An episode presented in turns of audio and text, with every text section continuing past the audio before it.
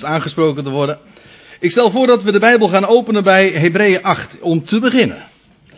Want daar zal het niet bij blijven.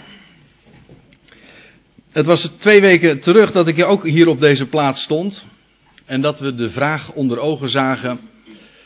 En dat was het thema ook van de dienst toen. Wat doet Christus vandaag? Dus niet wat deed Christus ooit, ook niet wat zal hij in de toekomst gaan doen. Allemaal hele relevante, belangwekkende vragen. Die ook in de Bijbel duidelijk beantwoord worden. Maar een andere vraag is, wat doet hij dan vandaag? Heden. Nu. En toen hebben we Efeze hoofdstuk 5 opgeslagen. En toen hebben we dat gedeelte gelezen waarin staat dat Christus de gemeente lief heeft en zich voor haar overgeeft en dat hij de gemeente heiligt, dat wil zeggen apart zet en reinigt en dan staat er door het waterbad van het woord. En zo maakt hij de gemeente stralend. Ik heb toen ook gezegd, toen we het daar zo over hadden, en toen hebben we trouwens ook nog een ander gedeelte gelezen. Ik zit nu een beetje het geheugen op te frissen, tenminste voor zover u het toen, toen natuurlijk was. Maar toen hebben we ook eh, Johannes 13 nog gelezen. Dat is dat gedeelte waarin gesproken wordt over de Heer Jezus, die daar op die tweede verdieping, in die opperzaal, de voeten van de zijne waste. Dat wil zeggen, de voeten van de discipelen reinigde. En dat deed hij ook door middel van water. En daarin zagen we ook een hele duidelijke illustratie van het werk wat de Heer doet. Namelijk, hij reinigt. Hij maakt schoon. En hoe doet hij dat? Wel, dat doet hij door middel van het woord. Ik wil daar graag nu op verder gaan. Ik heb dat toen ook beloofd.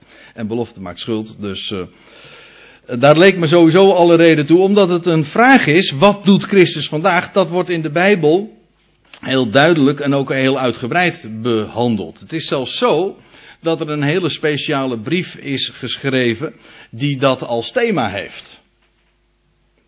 De positie, nou zeg ik het een beetje officieel, de positie van Christus op dit moment. Dat hij momenteel ontrokken is aan het oog, dat is ons probleem. Hè, zo, zo beleven we dat uh, vaak misschien. Ja, ik, ik, weet het niet precies hoe dat u, u vergaat. Als je beter weet, dan is het geen probleem meer. Maar zo wordt het toch over het algemeen ervaren. We zien hem niet. Hij is ontrokken aan het oog. Hij is verborgen. En nou zeg ik het meteen een beetje in de woorden van de Hebreeënbrief. Hij is verborgen achter het voorhangsel in het heiligdom. En dat is een, ja, dat zijn uh, woorden en uh, typische manieren van uitdrukken die direct ontleend zijn aan de tabernakeldienst, aan de, de vele plaatjes, zal ik maar zeggen, die we in het Oude Testament vinden. Ik heb Hebreeën 8 inmiddels voor me. Ik hoop van u ook. Ja, ik had Hebreeën 8 gezegd, hè. En daar staat dat ook gewoon. Daar heeft inmiddels de apostel, wie dat dan ook geweest mogen zijn, heeft een uh, zevental hoofdstukken geschreven. En nou gaat hij samenvatten. Waar het eigenlijk nou allemaal om begonnen was, wat hij nu wilde zeggen. Soms kan dat heel nuttig zijn. Als je een heleboel gezegd hebt, dan is het wel eens nuttig om nog eens even te zeggen. Nou, ik bedoel eigenlijk dit te zeggen. En dat je het in één zin dan eens even samenvat.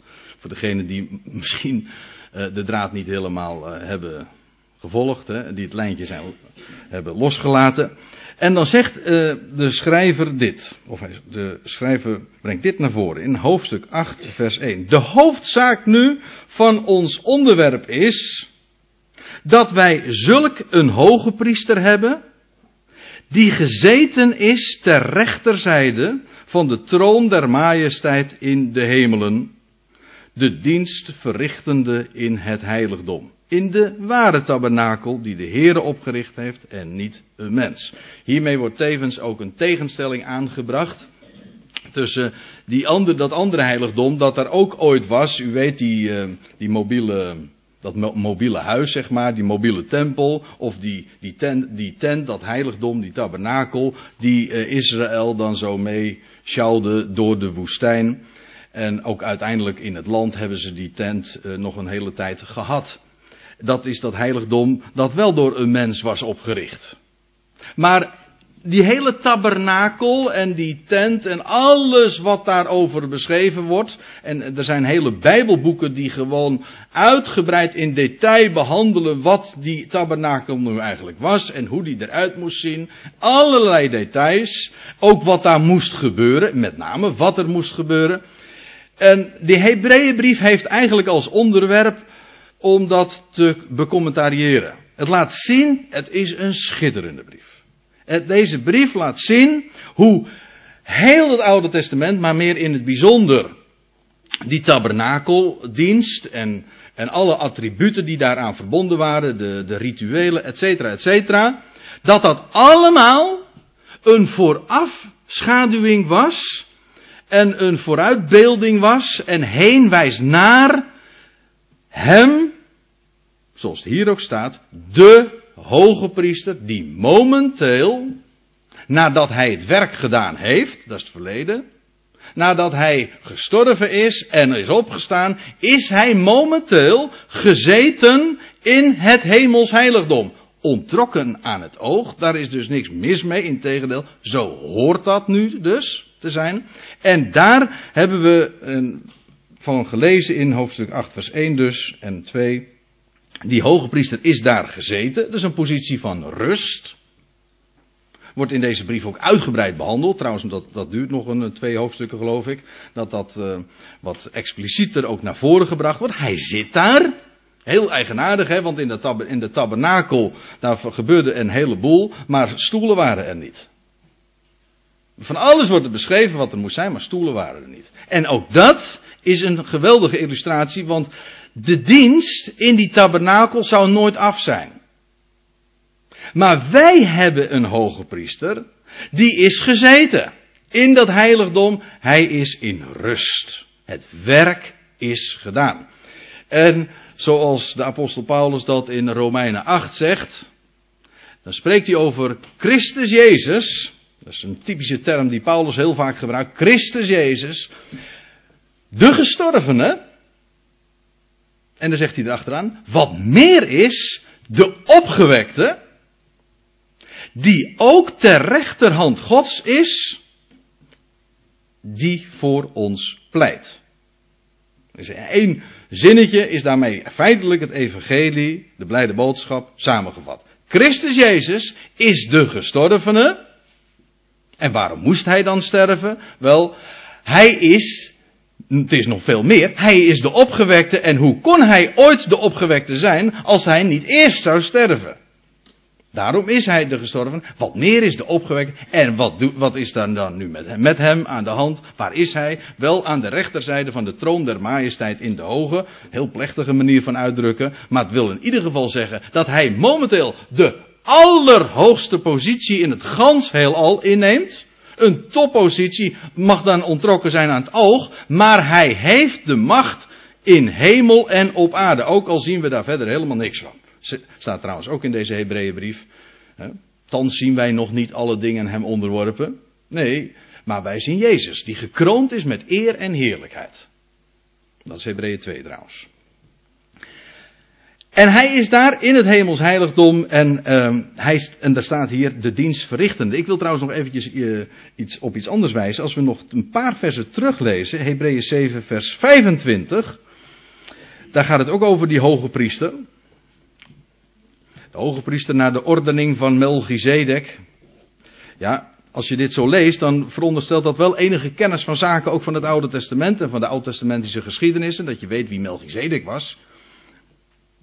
Want de Melchizedek was namelijk niet alleen maar priester, hij was ook nog eens een keertje koning.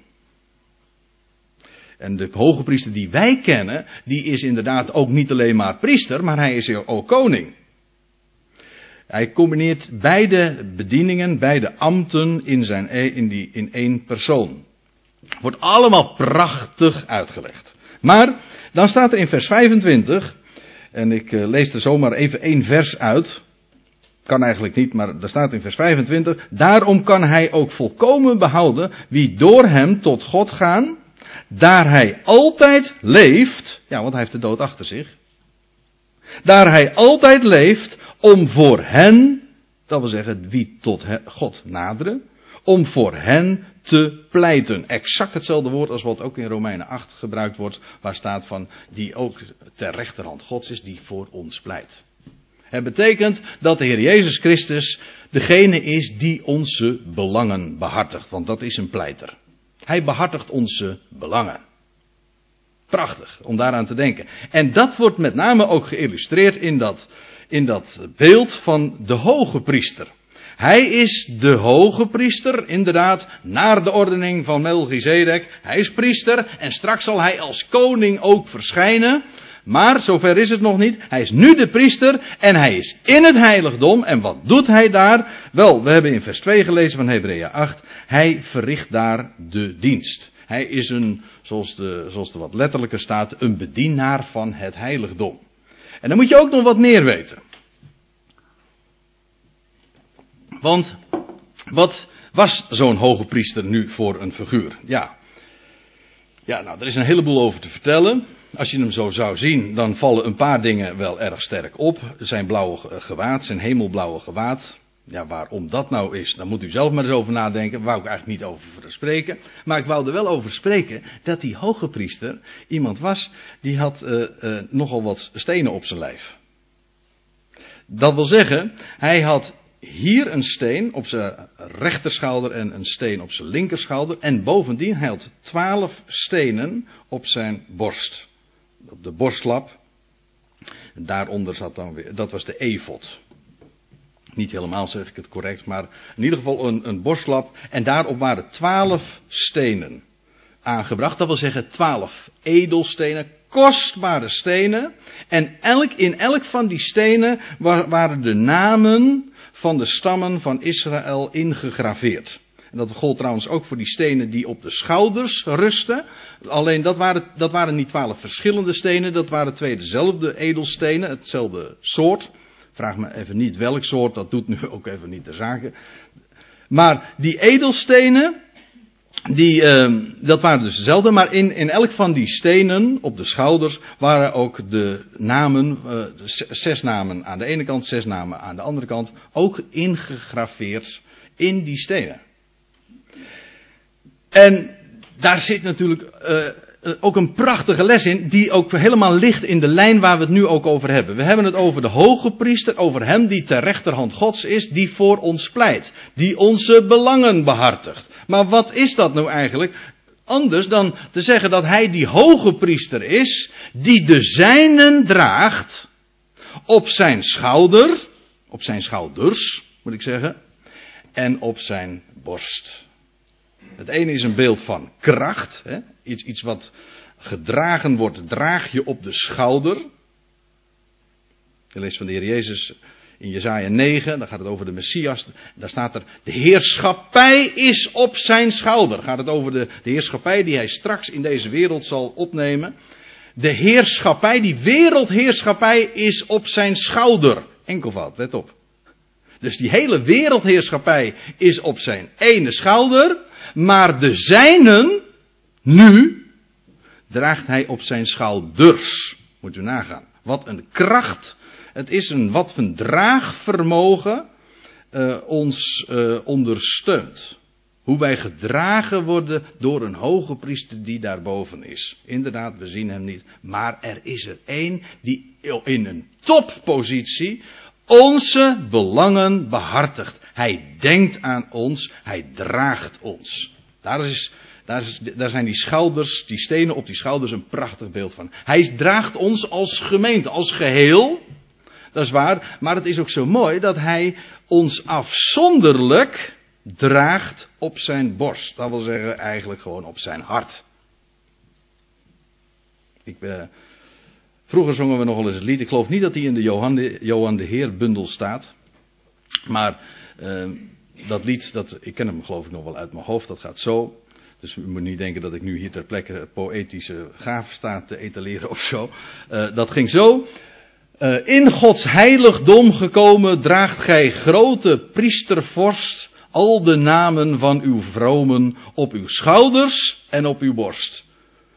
Voor hen treedt. Nou, ik geloof niet dat ik het aan moet doen om het uh, nog verder te. Citeren, want ik denk niet dat het me helemaal meer lukt. Maar in ieder geval, hij is die priestervorst. Inderdaad, die de namen van ons als geheel, als gemeente draagt hij ons. Jazeker. Maar hij draagt ons ook afzonderlijk. Op zijn hart. Allemaal kent hij ons. Kijk, hij heeft de gemeente lief gehad. En hij heeft de gemeente lief. Daar hebben we het de vorige keer ook over gehad. Maar hij heeft ons ook afzonderlijk lief. Hij kent mij, hij kent u. En hij pleit voor ons. Hij behartigt onze belangen.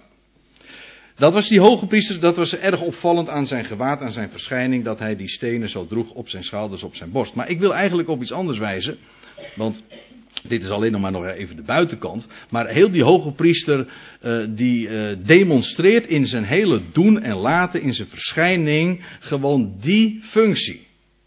Dat hij inderdaad degene, dat hij de belangen van zijn volk behartigt. En wat hij dan ook deed, dat moet je dan ook weten. En dan gaan we eens bladeren naar Leviticus 24.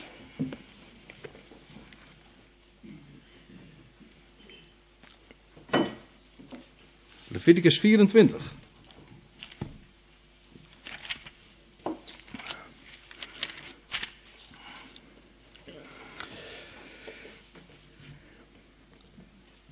Want die hoge priester die ging eens per jaar, weten wij, en dat wordt ook zo uitgebreid in de Hebreeënbrief behandeld, ging hij eens per jaar in het binnenste heiligdom. Dat heiligdom dat was onderverdeeld in twee ruimtes.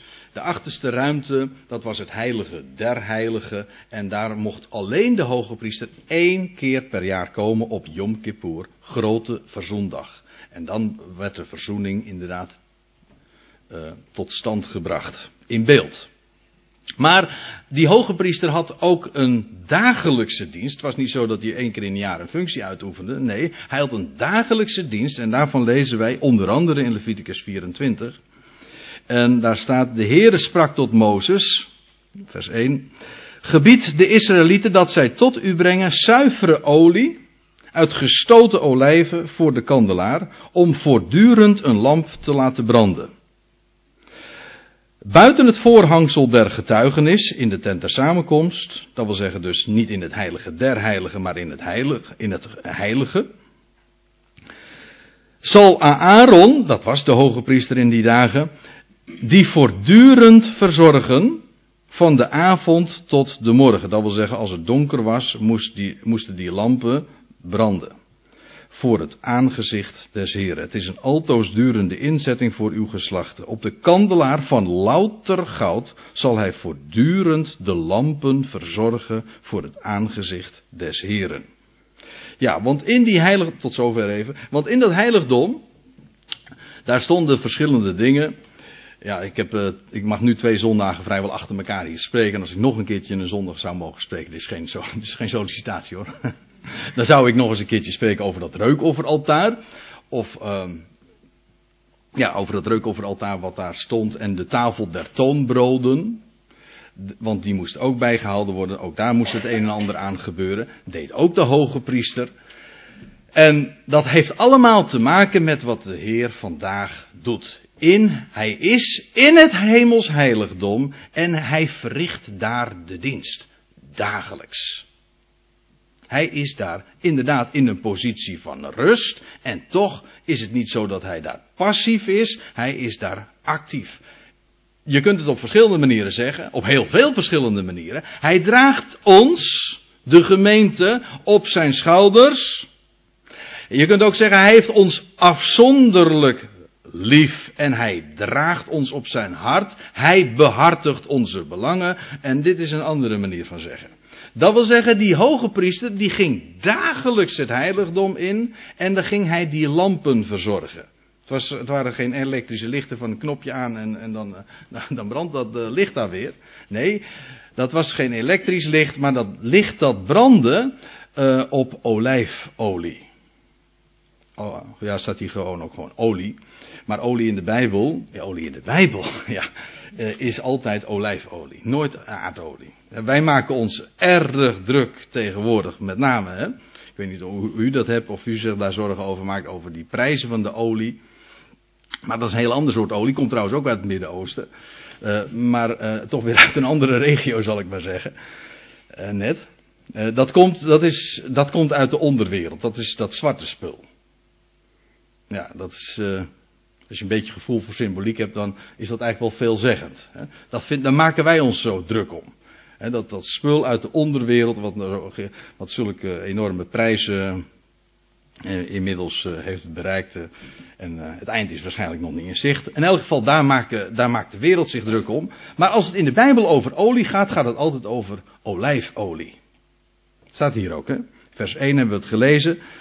Gebied de Israëlieten dat zij tot u brengen zuivere olie uit gestoten olijven. Dat wil zeggen, het moest olijfolie van, het, van de zuiverste kwaliteit zijn. En ehm, ja, waar is die olijfolie nou een beeld van? Daar kun je verschillende antwoorden op geven. En allemaal zijn ze goed. En feitelijk komen ze ook allemaal op hetzelfde neer. Als je het even heel, helemaal tot de essentie terugbrengt. Olijfolie, het zal u verbazen, vrienden, maar dat komt uit olijven. Uit een olijfboom, ja. En een olijfboom, dat is een boom die eigenlijk niet doodgaat. Dat is een heel, heel eigenaardige boom. Een, een, gewone boom, hoe oud ze ook worden, maar ze gaan op een gegeven moment dood. Maar een olijfboom is een, zo heet dat in de biologie, een zichzelf regenererende boom. Dat wil zeggen, hij doet zichzelf wederom geboren worden, want dat is eigenlijk wat het is. Hij vernieuwt zichzelf. Vandaar ook dat er in het Midden-Oosten uh, olijfbomen gevonden worden van al twee, misschien wel 3000 jaar oud. Dat, als, je, als daar niks mee gebeurt, als die niet omgehakt wordt, blijven die gewoon leven. Het is daarmee een boom die als eigenlijk een embleem is van onvergankelijk leven. Dat is, dat is vrij uniek, mag ik wel zeggen, want alles in deze wereld gaat dood. Maar een olijfboom is een beeld, het is niet echt onvergankelijk leven, want je kunt hem zo omhakken, omhakken. Dat begrijp ik wel, maar het gaat even om het beeld, wat het, wat het inderdaad symboliseert. Een olijfboom trotseert de dood.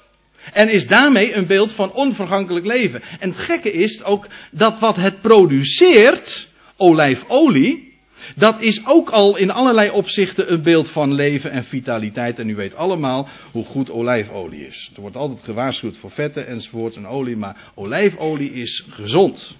En het is in de Bijbel ook heel sterk dat uh, als zieken, als daar zieken zijn, dan werden ze gezalfd met Juist, olijfolie. Waarom? Wel, de dood, als de dood naderde, wat heeft een, een sterveling dan nodig? Wel, leven.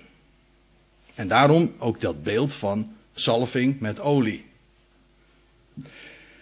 Ja, en uh, dan kun je natuurlijk ook nog de vraag stellen waarom dan de Heer Jezus moest sterven en opstaan op de Olijfberg. Hoewel dat omstreden is, dat weet ik, maar zo is het wel. En, maar voor mij is het al geen vraag meer, want het ligt zo voor de hand. Dat dat juist daar moest gebeuren. Maar dan moet u maar eens over nadenken. Het is in elk geval zo dat uh, wat hier uh, gezegd wordt, is die. Uh, er moest olijfolie daarvoor gezorgd worden. En dat moest naar de hoge priester, bij de hoge priester terechtkomen. En wat zou die daarmee doen? Wel, die zou daar de lampen van de kandelaar mee verzorgen. Daar stond een menorah, een, zeven, een zes, ja, nou, een zevenarmige kandelaar. Dat klopt niet helemaal, want het was eigenlijk gewoon een stam met aan beide kanten drie armen. Dus, uh, maar goed, we noemen het voor het gemak altijd een zevenarmige kandelaar. In ieder geval, het had inderdaad zeven lampen. En, en, en bij die lampen, die, die waren, het was uh, zodanig geconstrueerd dat daar ook een schaaltje bij was, en eigenlijk een beker. En die moesten dagelijks bijgevuld worden met olijfolie. En dat is wat die hoge priester dus elke dag deed. Elke dag ging hij het heiligdom in om meerdere dingen te doen, maar een van zijn activiteiten was ook om die lampen te laten branden. Om die kandelaar licht te laten geven. Dus terwijl het in de wereld duister is, moest het in het heiligdom licht zijn. En dat is precies wat er aan de hand is in onze dagen. In de wereld is daar duisternis. De Bijbel spreekt over de nacht van deze wereld. Dat komt ook omdat de zon, de, de zon der wereld uh, teruggetreden is. In Johannes 8 en Johannes 9, nee, zo zeg ik het goed. Ja, Johannes 9 wordt dat ook verklaard. Zolang ik in de wereld ben, zegt de Heer Jezus, ben ik het licht der wereld. maar de, de nacht komt. De nacht komt. En wij leven in die nacht. Hij is niet meer in de wereld. En daarom is het nacht. Het wordt hem verweten waarom, hij, waarom de Heer nu niet in de wereld ingrijpt. Maar het is nacht. Dat is iets wat we allemaal weten en we begrijpen het ook. Waar is de Heer? Waar is God? Wel, hij is niet zichtbaar. En, dan moet ik erbij zeggen, er is wel degelijk toch sprake van licht. Maar dat is niet hier in de wereld, maar dat is ontrokken aan ons oog in het heiligdom. Hij is daar. En hij is inderdaad de gestorvene, wat meer is, de opgewekte. Hij is degene die het leven aan het licht gebracht heeft. En vandaar ook dat hij degene is die olijfolie heeft. Hij is namelijk de overwinnaar op de dood. En hij is daar. Waar is die overwinnaar op de dood? Nou, niet hier in deze wereld. Maar hij is daar. En daarom is het daar licht. En wat doet hij daar nou? Wel, hij verzorgt daar die lampen. En die lampen, dat is in feite gewoon een beeld. In feite, eventjes voor degenen die hier twee weken geleden waren, dat, zijn, dat is eigenlijk hetzelfde als degenen die in de opperzaal zitten. Die met hem verbonden zijn daar in de hemel. Want u zegt, ja, maar wij zitten toch niet in de hemel? Oh nee. Volgens de Bijbel wel. Ja, hij is daar en wij worden daar net zo gerekend. Wij zijn met hem gezeten in de hemelse gewesten, staat er in Hebreeën 2. En hij is daar met ons bezig. Hij zorgt daar voor ons. Het, wordt, eh, het is helemaal niet de Bijbelse gedachte dat wij daar druk moeten wezen. Hij zorgt voor ons. En wat doet hij? Wel, hij zorgt ervoor dat ook wij gaan stralen. Hij zorgt ervoor dat wij licht gaan geven. Hij zorgt ervoor dat ook wij gevuld worden dagelijks met die olijfolie. Want echt hoor, dat is iets wat je dagelijks nodig hebt.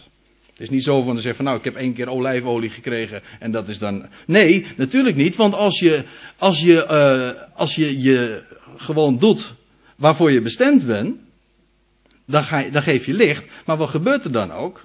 Dan gaat die olijfolie op. En daarom moest dat ook, uh, nadat, het, nadat die bekers ooit een keer uh, gevuld waren met, uh, met die olijfolie, moesten ze voortdurend dagelijks ook weer bijgevuld worden. En zo is het met ons ook. Wij moeten telkens weer bijgevuld worden met dat woord van leven van Hem. Want dat is wat de olijfolie is. Ja, u zegt dat is geest. Maar ik herinner me dat ik hier met Paas heb gesproken en ik heb u toen ook verteld en ook wel hopelijk goed uitgelegd dat het eigenlijk allemaal hetzelfde is. Of zoals de Heer Jezus zegt, mijn woorden zijn geest en leven. Als de Heer Jezus spreekt, dan spreekt hij niet alleen over leven, maar zijn woord is leven. Dat wil zeggen, het geeft ook leven. En dat is geest. Dat kun je niet zien, maar vandaar ook dat meestal als, uh, als je die vraag stelt, waar is olijfolie een beeld van, dan wordt meestal het antwoord gegeven, dat is de geest van God. Dat klopt, dat is ook zo, maar uh, denk, ga dan niet een beetje zweven, want dat is meestal wat er gebeurt als er over geest gesproken wordt. Daar leent het woord zich ook al een beetje voor, dat geef ik toe. Maar ga niet zweven, dat, die geest, dat is in dat woord. Dat woord is geest. Dat is kracht. Dat is leven. En wat hij vandaag doet, wel, hij is degene die ons zijn woord geeft. En hij vult ons dagelijks bij. De vraag is natuurlijk, laten we ons bijvullen door zijn woord. Maar als we licht willen geven, als we willen stralen, als we willen dat er wat van ons uitgaat, dan hebben we, dan hebben we die olijfolie nodig. Hebben we zijn woord nodig. Hebben wij dat leven nodig. Hebben wij dat geest, die geest van hem nodig. En hij zorgt daarvoor. Daar hoef je niet voor op je tenen te gaan lopen. Hoef je niet eh, voor te, te gaan jachten en te jagen. Daar hoef je ook geen zorgen over te maken. Integendeel, dat is juist een positie van passiviteit en overgave. Je geeft je over aan hem. En zegt, Heer, hier ben ik. En u bent degene die alles volbrengt en u bent degene die mij kan vullen. En u bent degene die kan, mij kan laten stralen. En hij doet dat. Want zijn woord spreekt daarvan en geeft dat ook. En daarbij reinigt hij ons ook nog, mocht dat nodig zijn. Want daar hadden we het de vorige keer ook over. Maar feitelijk deed die hoge priester dat ook met die, met, die, met die lampen in dat heiligdom. Want die moesten niet alleen maar bijgevoegd, die moesten niet alleen maar bijgevuld worden. Maar hij moest ook die pitten, die, die moesten uh, geknipt worden. Nou wordt er gesproken over snuiters. Ja.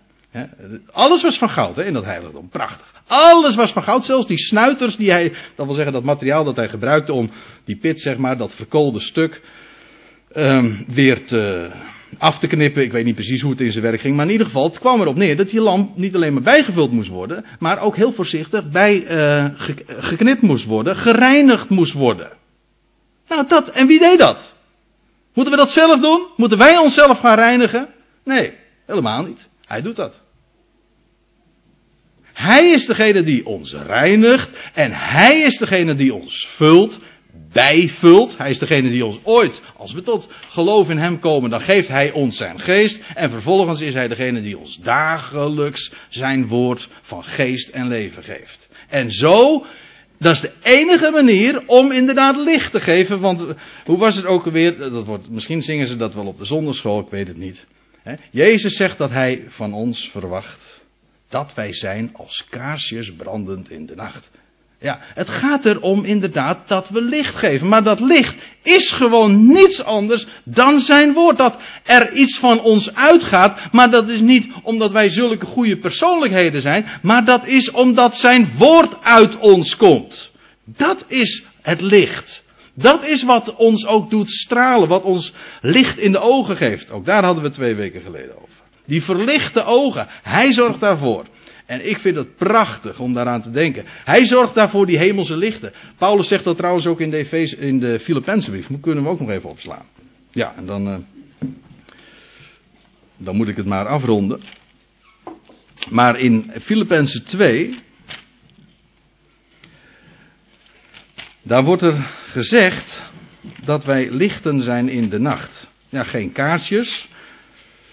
Ook geen lampjes in, op de kandelaar. Ik, nee, de Filippense brief. Oh, nou zit ik zelf ook verkeerd, verkeerd te bladeren. Ja. Alsof ik nog nooit in de Bijbel Filippenzen heb gezien. Ja, Filippenzen 2. Ik heb het voor me. Daar staat dit. In vers 14. Doet alles zonder morren of bedenkingen, redeneringen. Morren, klagen. Ondankbaarheid. Dat is wanneer je denkt dat de zorg, de last op jouw schouders ligt. Echt waar hoor. Weet je wanneer een mens ondankbaar wordt? Wanneer je denkt, of en bezorgd, hè, dan ga je bedenkingen hebben en zorgen maken. Later staat er ook in, in Filippenzen 4, staat er van, wees in geen ding bezorgd. Dat betekent niet dat je je best moet doen om niet bezorgd te zijn. Weet u, er is. dat is heel leuk, hè?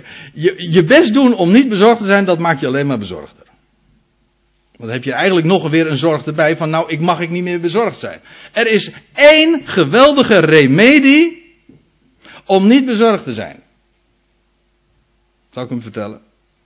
Dat is weten dat er voor je gezorgd wordt.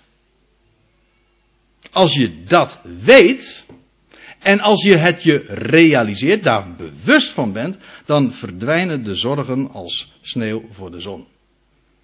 Dan verdwijnt die, net zoals de duisternis verdwijnt als je het licht aansteekt in de kamer. Waar is die duisternis verdwenen? Waar is die nou ineens? Nou, die is gewoon weg. Hoe komt dat? Ja, het licht gaat ineens schijnen. Hoe verdwijnen de zorgen? Wel, de wetenschap dat er één is die voor je zorgt. En dat Hij je geeft in overvloed alles wat je nodig heeft, hebt. Dat Hij jouw belangen behartigt als geen ander. Waarom bezorgd zijn? En dat betekent dus dat je dag in dag uit ook kunt danken. Vervuld met dankbaarheid, zegt Paulus ook. Dat is ook iets wat hij doet. Dat is wat wanneer hij ons uh, iedere keer weer bijvult met die olijfolie. En uh, dan dat verkoolde stukje lint. ook weer reinigt en, en dan alles weer in orde maakt. Dat hij ons weer, en eventjes met een knipoog zeg ik dat, als hij ons weer pit geeft. Hè? Goed. Doet alles zonder morren, vers 14 las ik voor, of bedenkingen, opdat gij onberispelijke, on, opdat gij onberispelijk en onbesmet moogt zijn, onbesproken kinderen Gods te midden van een ontaard en verkeerd geslacht. Ik zei al, deze wereld is gewoon een boze wereld. Dat hoef ik helemaal niet toe te lichten. Ik zou ze zeggen, kijk gewoon naar de, krant of uh, kijk eens naar het journaal, dan weet je genoeg. Dat is, de, dat is wat de Bijbel bedoelt met het feit dat het duister is in de wereld. Het is nacht. En um, zijn wij in staat om die duisternis te verdrijven? Antwoord Nee, ja, ik weet er, er zijn mensen, er zijn ook een heleboel christenen, tenminste zo noemen ze zich, die zeggen dat wij de taak hebben om uh, deze wereld tot een betere plek te maken. Of dat wij de taak hebben om de wereld beter te maken. Of, als de, uh, de verwachtingen helemaal hoog gespannen zijn, dat wij de taak hebben om dat Messiaanse koninkrijk hier in deze wereld gestalte te geven. Dan ga je heel druk worden met politiek en met vredesbewegingen, mensenrechtenorganisaties en weet ik wat allemaal. Maar daar word je ook al niet blij van, daar word je geen stralend mens van, want ik geef je de verzekering dat als je dat een paar uh, jaren doet, dan word je alleen maar chagrijniger, want je merkt dat het werk je gewoon op bij de handen afbreekt. Dat is frustrerend, want je merkt dat de nacht alleen maar uh, duisterder wordt in, de, in deze wereld. Dat, maar wij zijn ook niet geroepen om de duisternis te verdrijven. We zijn wel geroepen om in deze nacht, in deze wereld, licht te geven. Dat, staat, dat is precies ook wat hier staat. Want daar, nou, daar, komen we nu uit. Opdat gij onberispelijk en onbesmet mocht zijn, onbesproken kinderen gods, te midden van een ontaard en verkeerd geslacht. Waaronder gij schijnt als lichtende sterren in de wereld. Het woord des levens. Vasthoudende. Eigenlijk staat er voorhoudende. Mij ten roem tegen de dag van Christus. Prachtig hè? Hier staat dus dat wij zouden stralen als lichtende sterren. Nou, een ster is eigenlijk ook gewoon een hemellichaam. Dat zijn wij ook. Hè? Wij horen daar in de hemel. En hij, uh, en wie is het die ervoor zorgt, voor zorg draagt dat wij schijnen als lichtende sterren? Dat doet hij. En, en wat is nou dat licht dat wij verspreiden? Wel, dat staat hier. Dat is dat woord des levens. Oftewel, dat levende woord. Het woord aangaande het leven. En zo mogen wij in deze wereld staan. De duisternis verdwijnt, niet in deze wereld, echt niet, dat is onze taak niet. Maar op de plek waar wij staan, mogen we dat licht van Hem doorgeven. In afwachting, overigens, en daar eindig ik mee, in afwachting tot het moment dat de hoge priester zijn taak in het heiligdom gedaan heeft. En dan zal hij naar buiten komen. En dan komt hij uit het heiligdom. Ook daar spreekt de Hebreeënbrief over. En dan zal hij als koning gaan verschijnen. Als koning-priester naar de ordening van Melchizedek. En dan gaat hij orde op zaken stellen in deze wereld. Maar als hij uit het heiligdom komt, dan breekt de dag aan. Dan is de nacht voorbij. En zoals de Malachi 4 dat geloof ik zegt, of is het Malachi 3, dan zal de zon der gerechtigheid over deze wereld opgaan. Dan komt de Messias inderdaad tevoorschijn. Dan zal hij zichtbaar worden. En dan zegt hij, hier ben ik. En dan zal hij inderdaad de dag doen aanbreken. En de duisternis is dan compleet voorbij. En in afwachting daarmee zijn wij helemaal in goede handen. We hebben een hoge priester die onze belangen als geen ander behartigt. Ik stel voor dat we de Heer zullen danken daarvoor.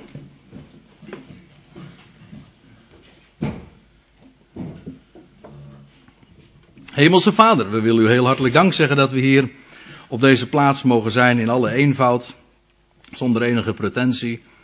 Maar we danken u Heer dat we uw woord mogen openen. En dat de opening van uw woord altijd licht verspreidt. Dat we ons altijd daarin mogen verheugen. We hebben niets van onszelf.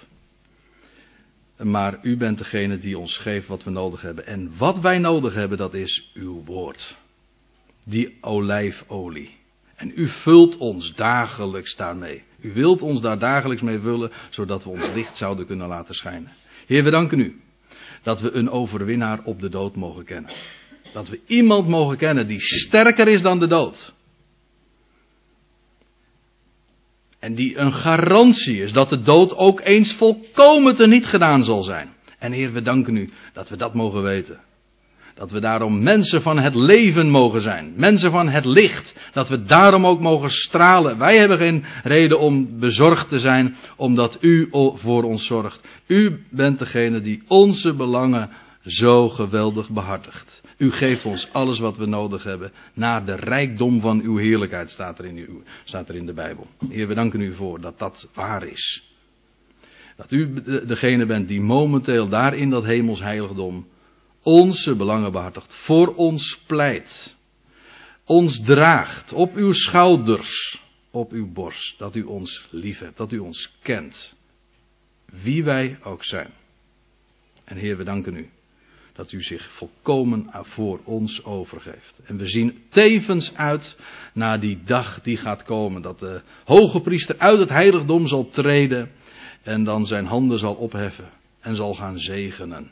En zijn zegen zal meegeven aan deze, aan deze wereld, te beginnen in Israël. Heer, we danken u dat als we uw woord gaan verstaan, als we dat licht, in dat licht wandelen, dat we ook mogen zien, een geweldig uitzicht mogen krijgen. Niet alleen maar inzicht, maar ook uitzicht op die geweldige toekomst die u voor ons, maar uiteindelijk voor deze hele wereld in petto hebt. Heer, we danken u dat we ons daarin mogen verheugen.